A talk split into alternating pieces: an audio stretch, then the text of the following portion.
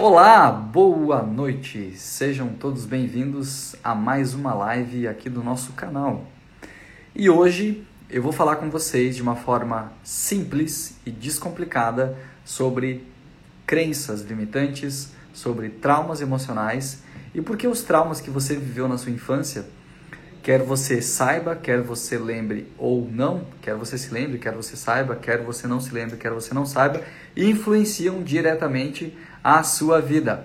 Já vai se preparando aí, você que acabou de entrar na minha live, ouse mudar-se, que nós vamos fazer uma live juntos. Não estou nem perguntando se você quer, estou dizendo que nós faremos, tá? Porque será uma honra e um privilégio muito grande, caso você aceite, é claro, né? Fazer uma live comigo. Que legal, cara. Ele vai assistir minha live. Eu assisto quase todos os dias, pelo menos um pedacinho das lives que ele faz. Recomendo, são muito boas. Muito, muito, muito boas. Ô oh, Jesus do céu. Me ajuda, como é que é o nome dele? O Cris Malta. Caraca, eu tava olhando pro Instagram dele. Ô Cris, bota teu nome aí nesse Instagram, cara. Ouse mudar-se. Essa frase é muito massa, né? Ó, oh, topou? Topou a live aí, Cris? Você topa fazer a live comigo? Já agendei duas lives hoje com duas pessoas bem especiais. Uma delas é a Nívia Jax. Logo estaremos ao vivo. Num próximo dia avisarei vocês com antecedência. E outra pessoa muito especial que topou também foi a Camille Tonial são duas pessoas que têm muito conhecimento nessa nossa área de autoconhecimento. Pode me chamar de Romualdo. Tá bom, Romualdo? Bora fazer uma live juntos? Seu figura. Vou gritar na live, hein? Vou gritar na live, você sabe que eu grito. Pessoal que está entrando na live, sejam todos muito bem-vindos. Vanus entrou, seja bem-vinda. Paulinho entrou, seja muito bem-vindo. O Paulo, cara, quero te dar os parabéns, tá? Porque hoje tu fez um movimento depois de uma postagem que eu fiz ontem, que eu não sei se teve a ver ou não, mas eu acredito que sim, por razões minhas, de movimentos que eu vi e percebi. E eu vi que você fez. É, vi que você fez um, um movimento hoje no teu Instagram que foi muito legal, tá? E parabéns, parabéns pela coragem de ter feito isso que você fez. Depois nos bastidores aí a gente fala sobre o que você fez. Vanusa falou que também quer uma live Bora fazer uma live também. A gente define um assunto aí, vamos fazer uma live aí. Tem horário para todo mundo. Só passa a Covid e fazemos sim. Não, Cris, uma live, cara, tu faz da onde tu tá e eu faço daqui da onde eu tô? Como assim passar o Covid? Que Covid o que, rapaz? Bora comer espetinho de carne juntos. Esse Instagram do Cris é muito legal porque a frase é ouse mudar-se. E eu gosto muito do autor Goethe, que fala aquela frase é, ouse fazer e o poder lhe será dado. Aí a segunda parte do que ele fala, ele fala sobre magia, não lembro agora o que ele fala, mas tem tudo a ver com que muito do que o Chris traz aí nas suas lives também. Falei para vocês que hoje eu traria o tema sobre traumas emocionais, traumas de infância que influenciam as nossas vidas, mesmo sem a gente ter percepção disso, de uma forma muito séria influenciam os nossos resultados, os nossos relacionamentos e a gente acaba que nem percebe o porquê que isso acontece em nossas vidas. E eu vou falar para vocês sobre cada um dos tipos de traumas. E vai ficar bem fácil você perceber se você teve esse trauma na sua infância ou não, porque eu vou falar é, sobre os efeitos disso. E daqui a pouco vai ficar bem claro, tá? A palavra traumas parece algo complexo, a palavra crenças muitas vezes parece algo complexo, mas na hora que eu entrar no conteúdo vai ficar bem simples, vocês vão entender com facilidade e vocês vão ver que dá para mudar coisas muito importantes a respeito das nossas vidas sem muito esforço, de uma forma bem simples e de uma forma bem fácil. O Cris esses dias inclusive estava falando numa live dele, né? A diferença aí sobre o simples e o fácil. A Nívia acabou de entrar na nossa live, olha só, seja bem-vinda aí também, Nívia. Já falei aqui antes de você entrar que você topou fazer uma live comigo e que nós vamos passar com antecedência o dia, a data, o local e o tema da nossa live para a gente falar aqui com os nossos públicos.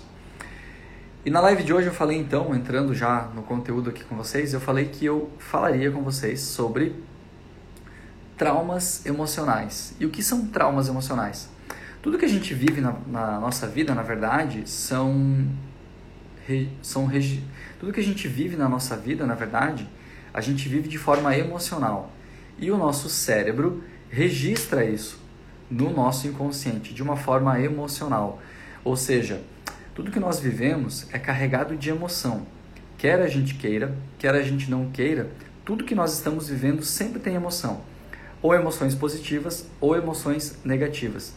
E essas emoções que a gente vai vivendo ao longo das nossas vidas, é, baseado nos momentos de vida que nós vivemos, vão criando sentimentos. E esses sentimentos podem ser positivos ou podem ser negativos.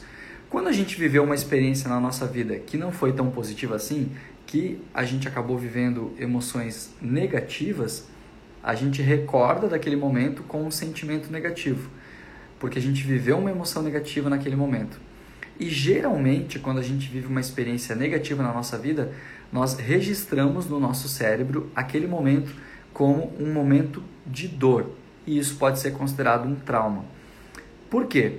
Porque o nosso cérebro, ele trabalha de uma forma bem simples assim, ó. ele sempre vai buscar o prazer e ele sempre vai fugir da dor.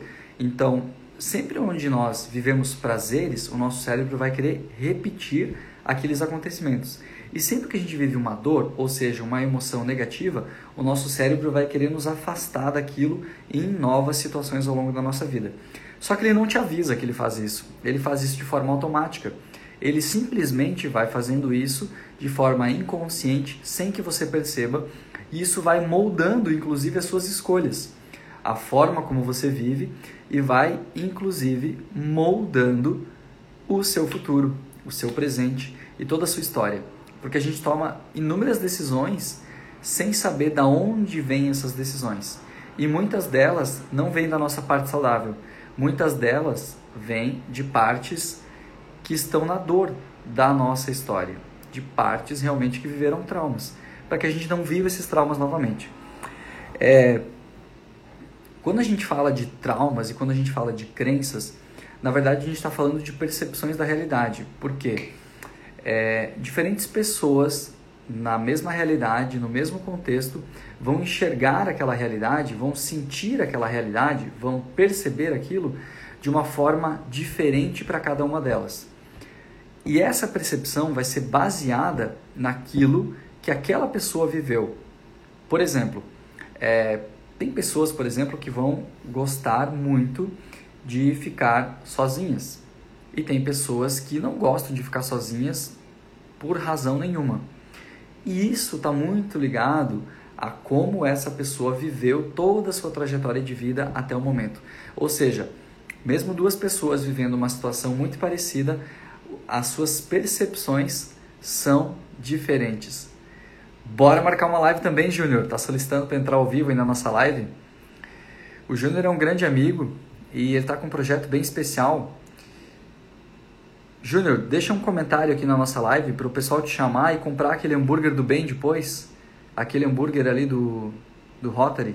Deixa uma mensagem aqui, no, aqui nos comentários para o pessoal te chamar e comprar o hambúrguer aí contigo. O Júnior está encabeçando, está ajudando aí um projeto do Rotary bem bonito, que eles fazem todos os anos. Ano passado a gente já esteve juntos. Eles vendem o hambúrguer e depois eles convertem as verbas arrecadadas para alguns projetos sociais. Projeto muito bacana, então quem quiser unir o útil ao agradável, saboroso ao, ao a beneficência, né? comer um hambúrguer e ainda assim ajudar as pessoas, chama o JJ Floripa aí que deixou um, um comentário aí e compra um hambúrguer aí para ajudar o projeto deles. Feita a propaganda do hambúrguer do Júnior, deixa eu dar também as boas-vindas às outras pessoas que entraram na live. Priscila também entrou aqui, seja bem-vinda. É uma honra ter você aqui com a gente. E vamos lá, continuando a falar sobre as percepções de realidade. Pessoas diferentes, é, diferentes pessoas percebem a mesma realidade de formas diferentes. Por quê? É como se entre a realidade que está presente para aquelas pessoas que estão ali vivendo a mesma cena e essas pessoas que estão olhando para essa realidade é como se tivessem filtros na frente delas, como se tivessem lâminas de realidade na frente delas, diferentes de uma pessoa para outra. Enquanto eu dei o exemplo de ficar sozinho, né? Enquanto uma pessoa, por exemplo, gosta de ficar sozinha, outra pessoa pode ser que não goste. Por quê? Isso tem a ver com o que essa pessoa viveu até hoje ao longo de sua vida. E o que ela foi vivendo de forma emocional é o que vai construindo essas lentes, é o que vai construindo a forma como essa pessoa enxerga essa realidade. E eu até montei um esquema aqui para falar para vocês para ficar bem simples. Por quê? O que, que é essa percepção da realidade? A percepção da realidade são as crenças pelas quais a pessoa enxerga o mundo. E essas crenças vão gerar pensamentos, que muitas vezes são pensamentos inclusive automáticos, que a pessoa nem percebe que está pensando aquilo, mas quando vê já está pensando aquilo de forma automática. Então toda percepção de realidade é uma crença. Toda crença gera um pensamento e esse pensamento vai gerar uma reação no corpo, tanto uma reação física quanto uma reação emocional e também uma reação de comportamento. Por exemplo, essa pessoa aqui para ela tá tudo bem ficar sozinha, ela vai pensar algo bom. Ah, ficar sozinho é gostoso, eu curto a minha companhia. É um pensamento positivo. Aí ela vai ter uma reação emocional. Ela vai se sentir bem. Talvez ela se sinta alegre em estar sozinha, porque ela curte a presença dela de ficar sozinha. Aí uma reação corporal. O corpo dela vai estar tranquilo. E uma reação de comportamento, o que, que essa pessoa vai fazer? Vai relaxar e vai curtir aquele momento. Já outra pessoa vivendo a mesma realidade, que talvez ela não goste de ficar sozinha, ou seja, ela tem uma percepção da realidade de que ficar sozinho, sozinha não é bom, ela tem essa crença de que ficar sozinha não é bom, ela vai pensar algo do tipo: "Nossa, eu tô sozinha. Eu tô sozinho, eu preciso sair daqui, eu preciso encontrar com alguém". E esse pensamento dessa pessoa, que muitas vezes é um pensamento automático, vai gerar uma reação emocional nessa pessoa negativa. Talvez ela se sinta só, talvez ela se sinta abandonada, talvez ela se sinta sozinha e isso não seja bom para ela. E aí o que, que ela vai fazer? Ela vai ter uma reação no corpo dela que vai gerar uma ansiedade, um medo, uma insegurança, vai gerar alguma coisa ali no corpo dela que vai fazer ela ter um comportamento diferente daquele comportamento que aquela primeira pessoa teve. Que comportamento é esse?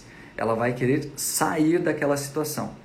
Percebem que é, uma das pessoas queria ficar naquela situação e a outra pessoa queria sair daquela situação. Então não é a situação em si que é o problema, mas a percepção dessa situação é que faz toda a diferença. Para se essa pessoa vai estar gostando, vai estar curtindo viver aquele momento ou não. E isso vem do que essas duas pessoas, nesses, nesse caso especial que eu dei o exemplo, viveram antes nas suas vidas.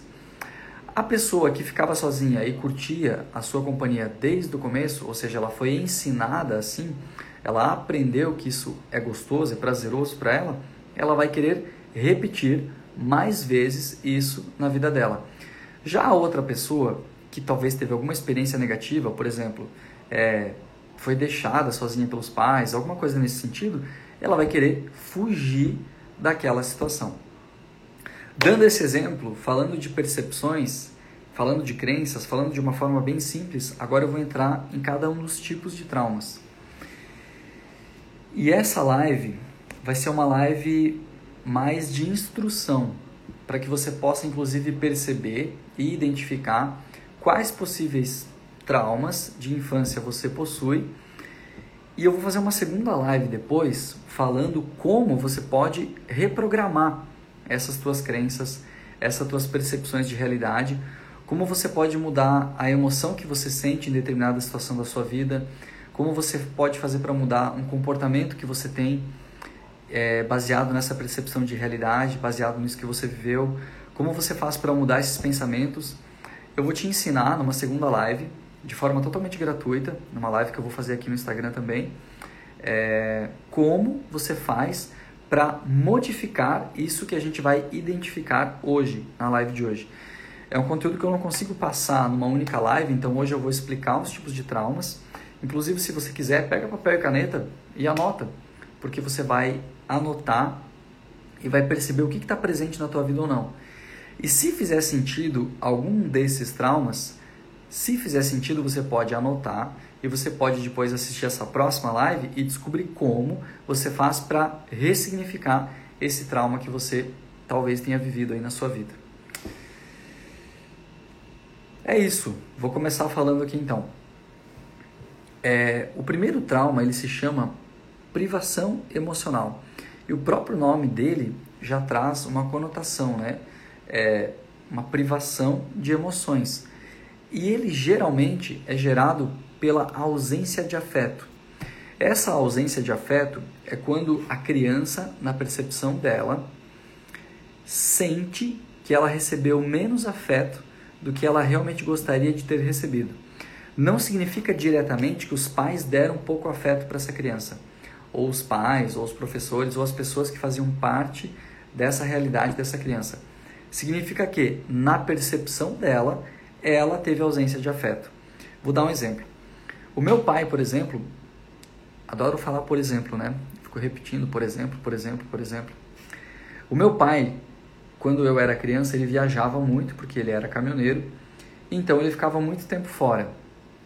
E por muitas vezes eu senti a ausência dele. Só que em cada momento que ele estava presente comigo, ele era muito amoroso e ele fazia de tudo por mim. Então, na realidade dele, ele estava sendo extremamente amoroso comigo, mas na minha percepção de criança, eu queria muito mais da presença dele. Eu queria muito mais do afeto dele.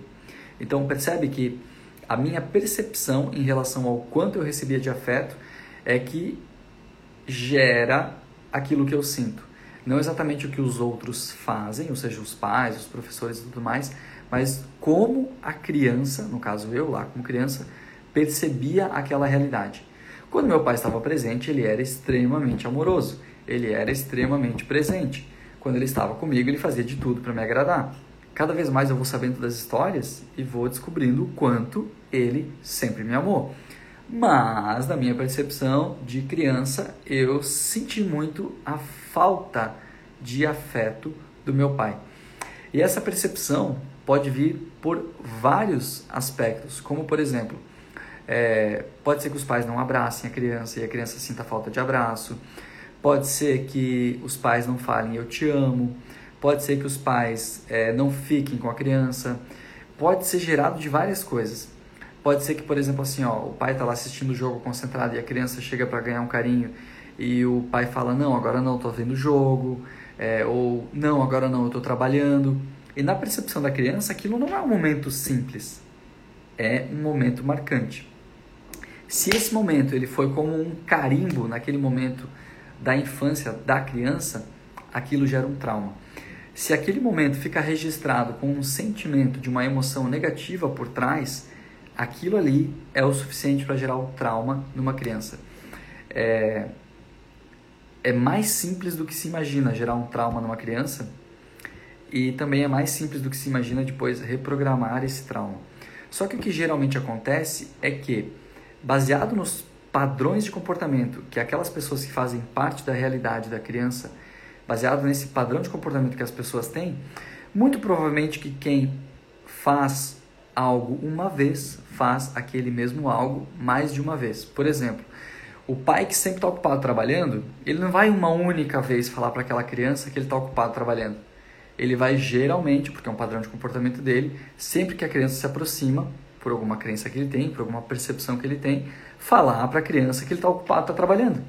E na cabeça dele, racional, de adulto, está tudo bem. Só que na cabeça emocional da criança, aquilo pode gerar um trauma.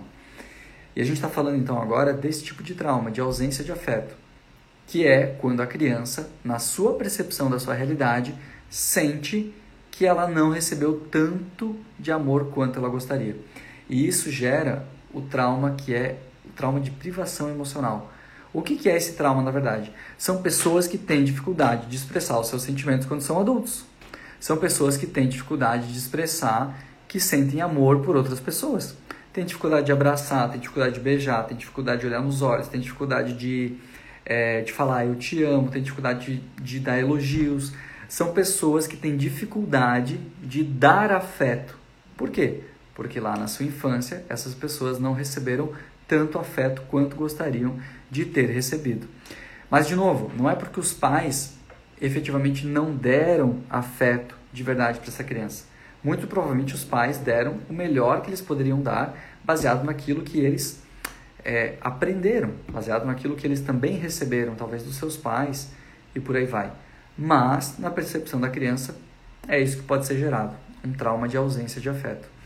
E, então essa é a causa, né? Os pais ou professores que dão pouco afeto para essa criança, segundo a percepção dela, e o efeito, ou seja, é, o resultado desse trauma na vida da pessoa depois é que ela não consegue expressar seus sentimentos, não consegue se envolver emocionalmente com as pessoas, ela é mais fria, mais distante e por aí vai.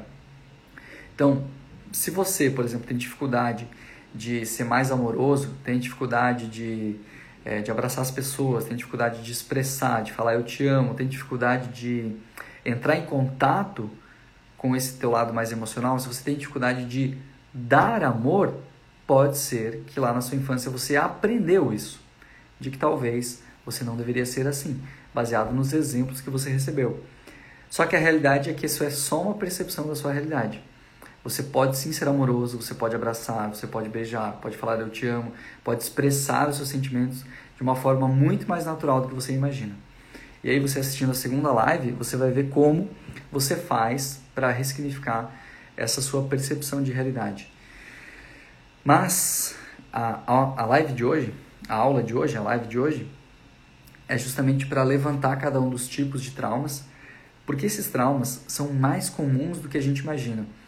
Às vezes a gente fala assim, nossa, eu não tive nenhum trauma na minha infância. Aí você passa a ouvir esse conteúdo, passa a perceber isso, e você vê que, nossa, eu tive vários. E tá tudo bem tu ter tido vários tipos de traumas emocionais. Por que que tá tudo bem? Porque está tudo bem, você consegue reprogramar isso, você consegue dar um novo significado para isso. Você consegue, mesmo tendo vivido, mesmo você tendo aprendido de uma forma em toda a sua vida, você consegue viver de uma forma diferente, desde que você tenha consciência. Por exemplo, para quem estava me ouvindo até agora e que talvez tenha esse trauma ou essa dificuldade na sua vida hoje de é, de ser mais amoroso, de dar afeto para as pessoas, possa perceber que, nossa, mas quer dizer que nem todo mundo é assim? Sou eu que sou assim? Nossa, quer dizer que não precisa ser assim? Pode ser diferente? Só o fato de você gerar consciência para isso já vai ficar uma pulga aí atrás da tua orelha, criando novas formas de você ver essa sua realidade. O segundo trauma é um trauma muito comum e é um trauma que muitas pessoas têm, que é o trauma de abandono. E como saber se eu tenho ou não, se você tem ou não, trauma de abandono? Se perguntando algo bem simples. Você tem medo da perda? Se você tem medo da perda, muito provavelmente você sofreu um trauma de abandono na sua infância. Aí talvez você esteja se perguntando: tá, mas meus pais me criaram, os meus avós, enfim, eu nunca fui abandonado por ninguém. Sempre estiveram comigo. Sim, só que você não precisa ser efetivamente abandonado na prática, né, ao pé da letra, para que você tenha gerado um registro emocional de abandono. Basta que você tenha ficado, por exemplo, no seu bercinho, chorando por alguns minutos a mais do que você estava disposto a esperar ali naquele momento, e pode ser que você já tenha se sentido abandonado. Pode ser que numa cena, eu vou contar uma brincadeira que a minha avó fazia, que facilmente pode gerar uma, um trauma de abandono. A minha avó, extremamente amorosa, tenho um amor gigantesco por ela, mas, meu, ela tinha uma brincadeira que era muito ruim. E era muito engraçado e tal ali naquele momento, mas aquela brincadeira dela poderia ter gerado vários traumas, tá? Ela brincava, ela, né, brincava, uma brincadeira super saudável assim, né? Ela dizia que ela ia embora e que ela nunca mais ia voltar. E que no lugar dela ia vir a velha do saco, pegar as crianças e levar embora. Essa é a brincadeira que se faz, né? Mas a minha avó, né, na cabeça dela, achava aquilo engraçado, a minha mãe também. Então o que minha avó fazia? Ela falava essa brincadeira, né? Dizia que ia embora e tal, virava as costas, sumia. E quando ela voltava, ela voltava vestindo um casaco que ela tinha dela por cima.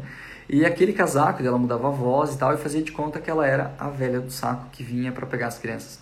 Ou seja, ela falava que ia embora e ela fazia meio que uma espécie de teatro, um psicodrama ali naquele momento, movimentando-se para me deixar. E aí, a criança, o que, ela percebe? Percebe que está sendo abandonada. Claro, hoje como adulto a gente percebe isso de forma diferente tal, já ressignifiquei essa história, mas lá na minha infância, meu, isso gera trauma de abandono. E aí o que acontece? Na vida adulta, o adulto tem o medo da perda.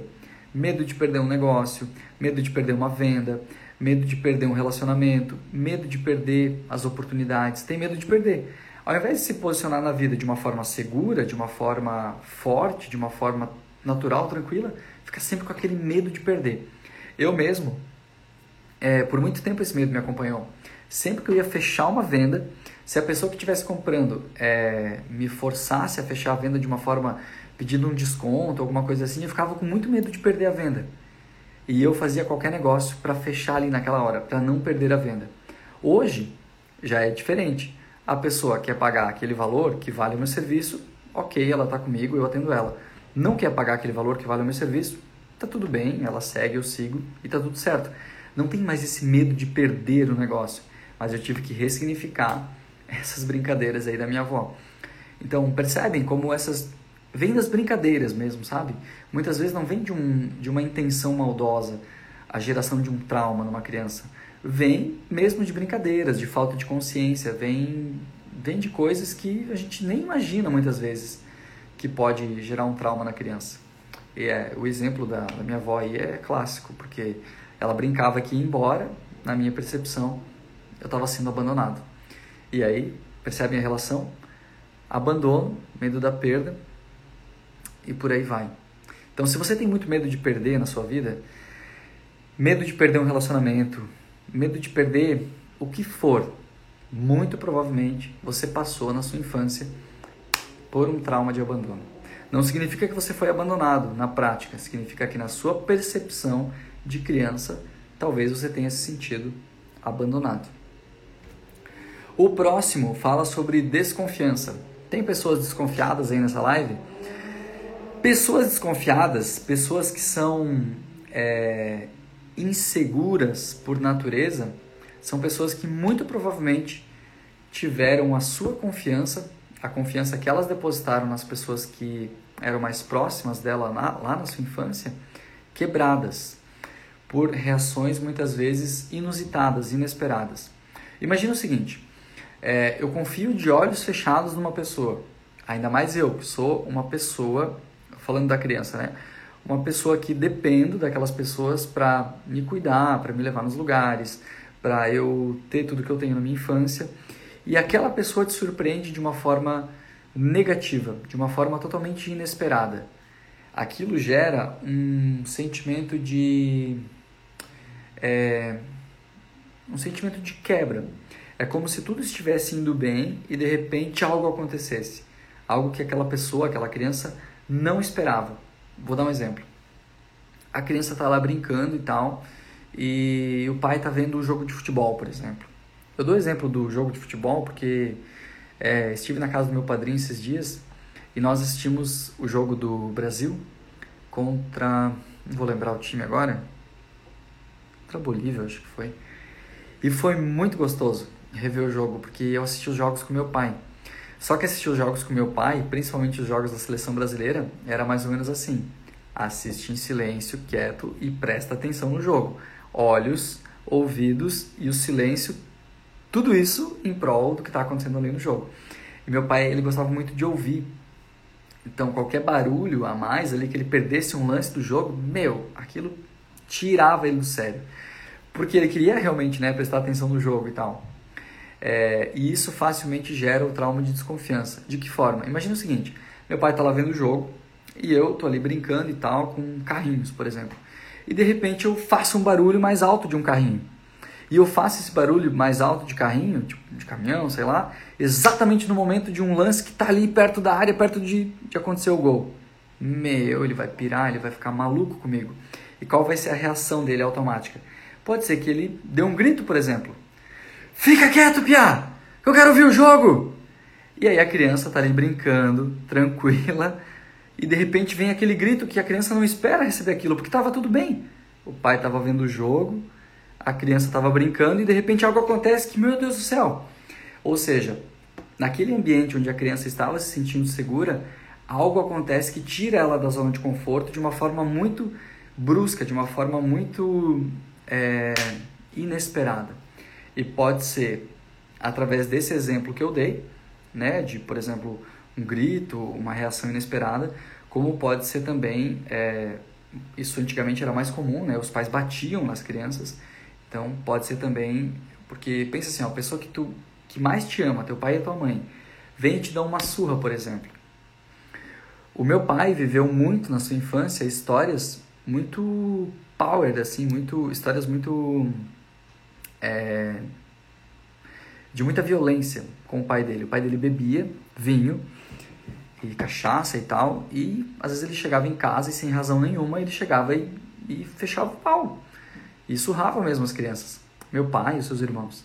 Então tu pensa o seguinte, meu pai sempre foi um cara mais desconfiado. Porque ele muito provavelmente teve esse trauma de desconfiança gerado na infância. A criança está em casa, está tudo bem.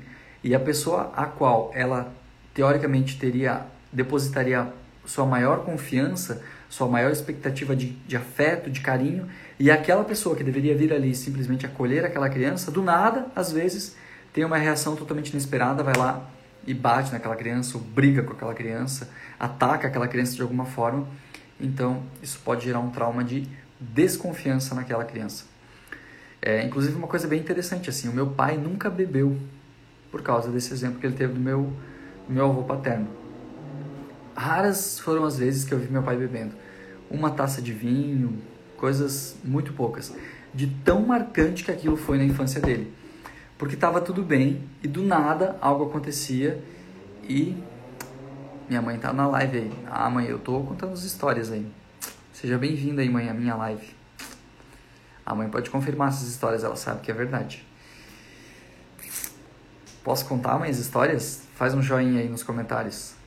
Que ela fez uma assim com a mãozinha, será que ela quer me dar uma palmada? Porque tô contando uma história que não podia contar. Contei. É, tudo que acontece na nossa vida acontece por uma razão e um fim, isso me serve. Então, saber lá se meu avô já não vivia isso para que eu pudesse falar sobre essas coisas hoje, né? Mas eu falo com muito amor e com muito carinho sobre essa história do meu avô, por exemplo. Não falo com nenhum tipo de, de emoção negativa. Mas, fato é que isso que o meu avô fazia gerava esse tipo de, né, de reação aí na essa filharada toda que ele teve, de quase, do, quase não, teve 12 filhos vários homens e várias meninas. Ficou claro o trauma de desconfiança? Coloca nos comentários aí se ficou claro para vocês. A mãe fez um joinha. Ui, que alívio. Ai, tinha até me dado uma sensação estranha que pensei, meu Deus, será que eu tô contando algo que minha mãe vai, vai brigar comigo depois? Brincadeira. É... Ficou claro o trauma de desconfiança para vocês ou não? Se ficou claro, eu vou pro próximo. Se não ficou, eu Dou mais um exemplo aqui. Ficou claro? Ficou bom? Então eu vou pro próximo. Vamos lá. Esse ataque, inclusive, eu não falei aqui, mas esse ataque, inclusive, pode ser um abuso sexual que acontece, é comum, inclusive por pessoas próximas.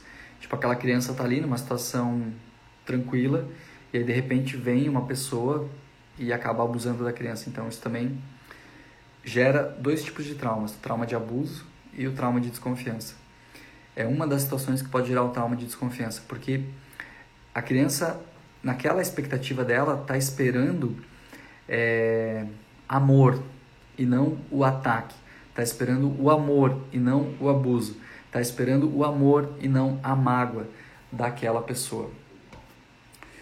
Bora para o próximo. O próximo trauma ele se chama isolamento social. É, o trauma de isolamento social é o que a gente está vivendo hoje na pandemia. Essa grande que estamos vivendo hoje, ou que vivemos aí há poucos meses atrás, por. Ai, não vou expressar minha opinião sobre isso, vamos só falar do trauma, vamos embora. É... As pessoas ficam sós e acreditam que ficar sós é melhor. Não faz sentido isso, né? O trauma de isolamento social, ele vem de situações nas quais, geralmente lá na sua infância, essa criança aprendeu que é, o correto é ficar cada um no seu lugar. De que forma? Por exemplo, assim, ó, os meus pais, eles, quando eram os meus pais, quando eu era criança, eles me levavam muito para passear na casa dos parentes. Então nós visitávamos muito. tanto os irmãos da minha mãe quanto os irmãos do meu pai, é, visitávamos os primos, a gente ia à igreja todo domingo, ou seja, nós nos relacionávamos com a sociedade. Então eu sempre aprendi que ficar sozinho nem sempre é uma coisa legal. Eu gosto de ficar sozinho, tá tudo bem, mas se eu puder escolher, eu tô sempre na rua, em contato com alguém, eu tô sempre tomando um café, tô, eu tô sempre em contato com pessoas. Por quê? Porque eu aprendi de forma emocional que é, eu aprendi o oposto do isolamento social. Eu aprendi que contato é bom. Eu aprendi que estar com as pessoas é bom. Só que o oposto desse exemplo seria o seguinte: pais que ficam só em casa, pais que não levam as crianças para um parque, que não levam as crianças para uma igreja, que não levam as crianças para visitar outras pessoas. Então, inconscientemente, através dos exemplos que aquela criança está vivendo, ela aprende que o correto é ela ficar no canto dela. Igual a gente está vivendo aí no ano de 2020 essa, esse isolamento. Cada um no seu lugar, isolamento, distanciamento social. E isso gera vários pontos negativos, como por exemplo, a pessoa vai se relacionar menos, vai ter menos contato com pessoas, vai ter menos networking, vai ser menos amorosa quando ela encontrar uma pessoa, porque ela não tem tanto esse contato. Vai ser difícil quando ela se encontrar com pessoas novas, ela se conectar de forma emocional e verdadeira com as pessoas, porque ela aprendeu que ela não precisa desse contato com a sociedade. Ela aprendeu que o distanciamento social é que é o correto. E isso é um trauma muito, muito sério. Porque pensa, tudo que a gente faz nas nossas vidas hoje depende de pessoas. Tudo que nós fazemos hoje é para pessoas seja um serviço que a gente presta, um produto que a gente cria, tudo que nós fazemos no nosso dia a dia é um para os outros. Não faz sentido qualquer coisa que a gente vai fazer, é, seja um serviço, um produto que a gente cria, se não for para atender alguma demanda de alguém. Então, tudo que nós fazemos na nossa vida depende desse contato com pessoas. Por isso que esse trauma é tão importante. Então, pessoas que geralmente preferem ficar sós, é, inclusive ontem aconteceu uma coisa bem, bem gostosa. Eu estava indo, eu tava lá na casa do meu primo, fui jantar lá com ele. Esse meu primo é mais velho que eu, ele tem 51 anos. Na verdade, ele é casado com a minha prima. E ele tem dois filhos. É, a sua filha, de 22 anos, tem uma menina, pequenininha, e o marido dela, o pai dessa menina, meu Deus, dei um nó na cabeça de vocês, né? Só para falar do, do trauma de isolamento social. Mas, resumo da ópera. Ele chegou da roça, porque ele trabalha na roça, e esse meu primo tinha preparado uma janta para nós, a mulher dele, né? Tinha preparado uma janta para nós e tal, e na hora de jantar ele não quis. Ele simplesmente foi para casa dele. Aí eu, todo metido, do jeito que eu sou, né, perguntei, tá, ele não gostou do meu cheiro, da minha cara, o que que deu que ele não quer, não quer jantar aqui com a gente? Brincando assim, né, de uma forma descontraída. E aí o meu primo, Zé, falou, não, é José o nome dele, né? A gente chama ele de Zé. É, não, ele nunca, nunca fica aqui com a gente comendo. Ele sempre vai para casa, fica sozinho. Aí eu disse, nossa, mas por que disso? Fui, né, dando corda assim para ver o que eles iam falar. Aí ele contou que ele aprendeu, esse menino ele foi adotado, e o que acontecia lá na, é, na realidade da infância dele era o seguinte: os pais adotivos comiam num lugar e ele tinha que comer num outro lugar ele tinha que ficar isolado. Ele não podia fazer parte do grupo. Então, olha o que, que aconteceu ali de forma emocional e inconsciente. Ele entende, ele percebe a realidade dele que ele não pode fazer parte daquele momento que todos estão juntos. O que, que ele vai fazer? Ele vai se isolar. E na cabeça dele, ele se sente melhor se isolando. Olha que doido isso. Ele se sente melhor se isolando do que estando conosco, é, jantando, por exemplo, naquele momento. Para ele vir jantar conosco, seria, num primeiro momento, um movimento de dor para ele. Ele teria que ressignificar isso que ele viveu para ele realmente entender e conseguir viver aquela realidade inserido num grupo de pessoas, deixando de viver de uma forma isolada. Estão gostando da live aí, pessoal? Se vocês estão gostando, se está fazendo sentido essa live aí para vocês, eu não costumo pedir isso, mas eu vou começar a pedir é, clica aqui no aviãozinho, vou clicar aqui também, e manda essa live para várias pessoas, para que essas pessoas assistam essas lives e isso, essa live, né? E a gente possa ajudar mais pessoas com esse conteúdo que eu estou trazendo aí para vocês. Vamos para o próximo. Ai, que legal, tá fazendo sentido? Aline que está assistindo a gente aí, tá fazendo sentido o que eu estou trazendo aí para vocês? Nesse conteúdo? Vocês estão gostando da live? Quem está me assistindo aí, quem entrou agora, tá fazendo sentido para vocês o que eu estou trazendo? Ó, oh, o aviãozinho funcionou, aumentou aí o nosso número de espectadores. A Selma que está assistindo a gente aí também, tá fazendo sentido, para Aline também, total. Então beleza, então vou continuar. Uau, tem mais alguns ainda, tá? E não se assustem se vocês tiverem todos os tipos de traumas ou se vocês tiverem muitos traumas, tá? Tá tudo bem a gente ter vários tipos de traumas. Isso só mostra como foi a nossa realidade e gerar consciência sobre isso, ou seja, descobrir que a gente tem esses traumas, é como se a gente estivesse abrindo uma porta, um portal para a gente ressignificar esses momentos na nossa vida e se liberar de tudo isso que a gente pode estar tá vivendo de uma certa forma, muitas vezes é, de uma forma negativa, e passar a viver de uma forma muito mais tranquila e muito mais leve. Eu já estou com 20 minutos ou falta 20 minutos? Falta 20 minutos. Já estou em 40 minutos de live. Caraca, moleque, eu não sei se eu chego até o final de todos os tipos de traumas aqui em 20 minutos. Se eu não chegar ao fim, eu faço uma segunda live para continuar falando, tá? Mas eu prefiro explicar cada um deles bem certinho, porque para que vocês vão conseguindo identificar, né? Se vocês têm ou não esse tipo de trauma aí na vida de vocês. Defectividade. Conhecem pessoas críticas que colocam defeito em tudo, que nunca tá bom, que são extremamente perfeccionistas? Pessoas que nunca estão satisfeitas com aquele resultado? Pode ser que essa pessoa tenha sofrido um trauma de defectividade. E que raios é isso? Se essa pessoa teve pais ou professores ou pessoas que faziam parte da sua infância e que essas pessoas ficavam cobrando sempre algo melhor, ficavam sempre colocando defeitos, criticando aquilo que estava sendo produzido, pode ser que você aprendeu. Meu Deus, conheço várias, né? Eu também conheço várias, tá? Tem muitas pessoas no meu círculo de amizades que são extremamente críticas, que nunca tá bom, que sempre falta alguma coisa. Isso, por um lado, uma pessoa dessas no recurso vai ser extremamente é, eficiente naquilo que se faz.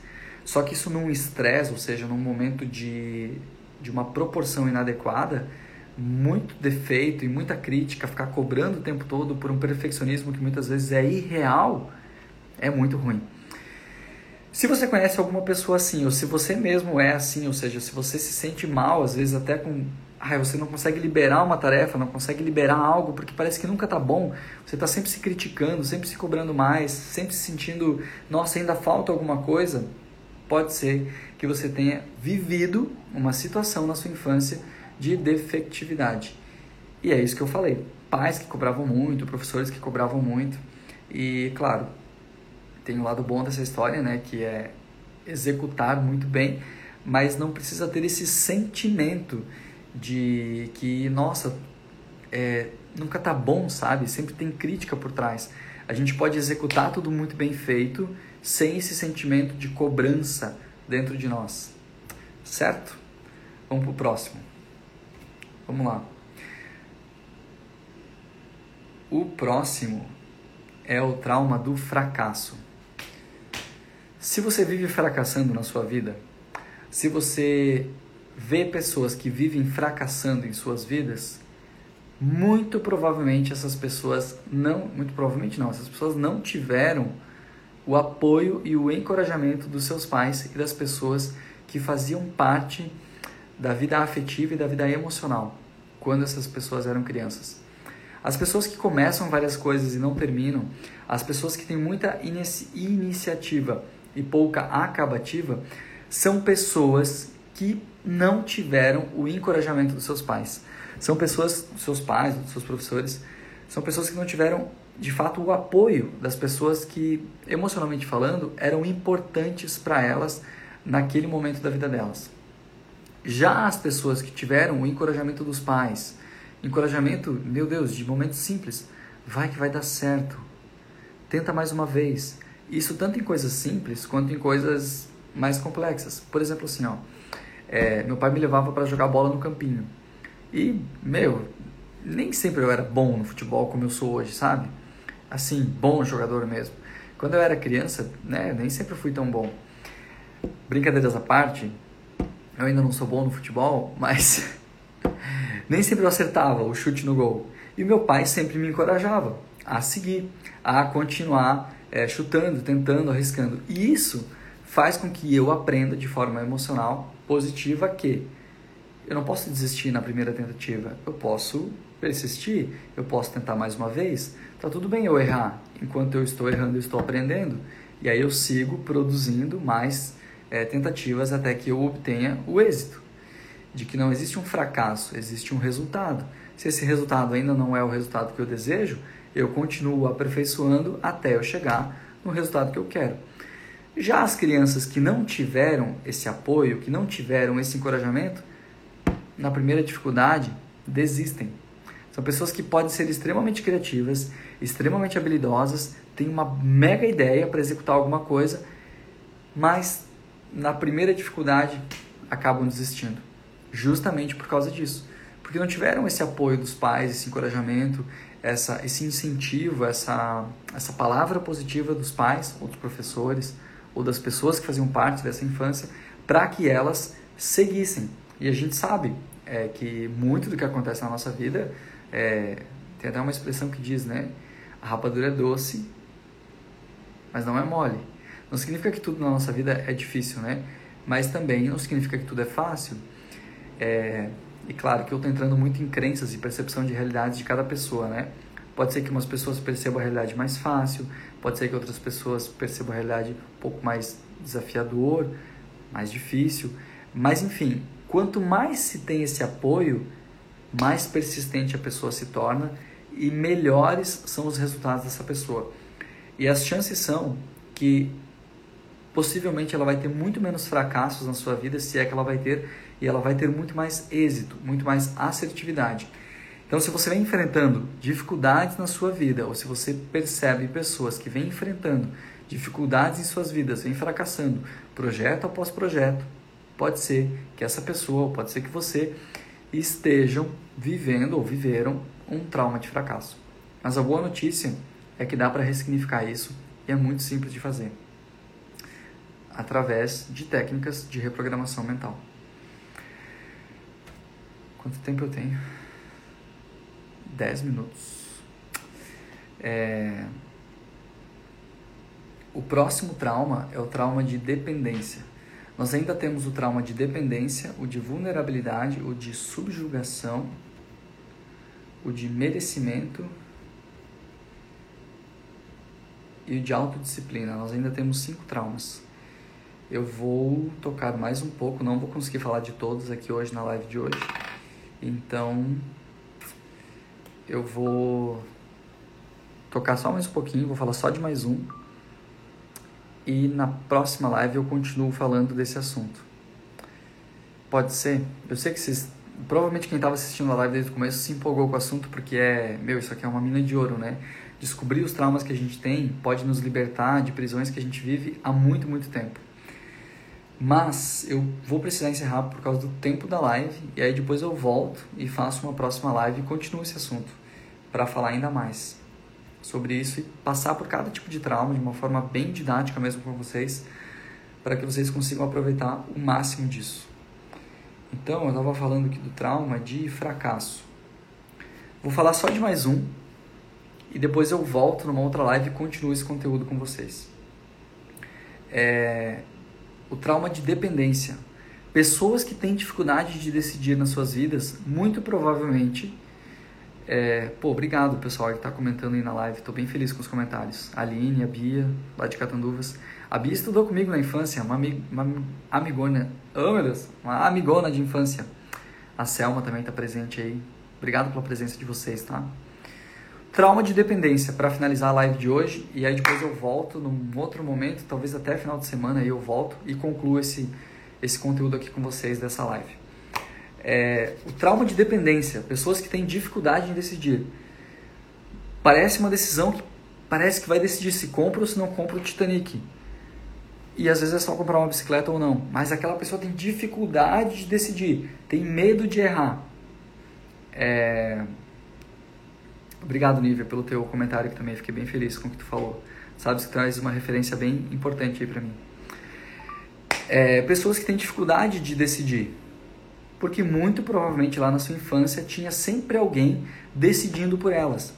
Pais que ficam decidindo o tempo todo pelas crianças e não deixam aquela criança ter um pouco de vida, um pouco de vontade própria de ir lá e decidir suas coisas, mesmo que sejam suas coisas é, mais simples, decisões pequenas do tipo é, vou tomar um sorvete ou um picolé, vou tomar uma coca ou vou tomar um guaraná, vou sair para caminhar ou vou sair correr, vou andar de bicicleta ou vou jogar bola. Pais que ficam decidindo muito a vida das crianças fazem com que os adultos, resultado dessas crianças, tenham dificuldade em tomar decisões sadias em sua vida adulta. E dá para mudar isso também, tá? Dá para melhorar a forma como nós decidimos sobre as nossas vidas e frente aos nossos desafios.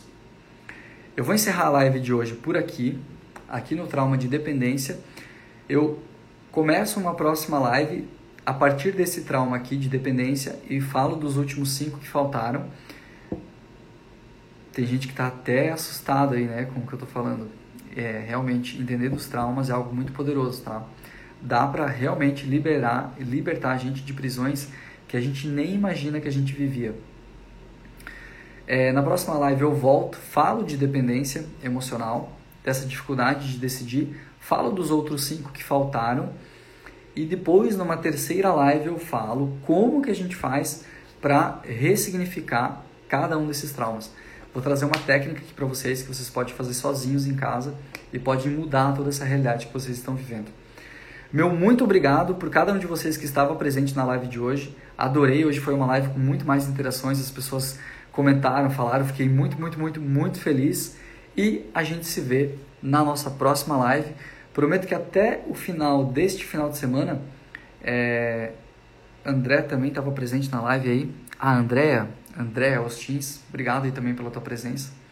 Até o final desse, até o, até o domingo eu faço uma próxima live e falo aí dos, dos traumas que faltaram e dou os próximos passos com vocês para vocês entenderem como a gente faz para reprogramar essas crenças e esses traumas que talvez vocês tenham vivido na vida de vocês.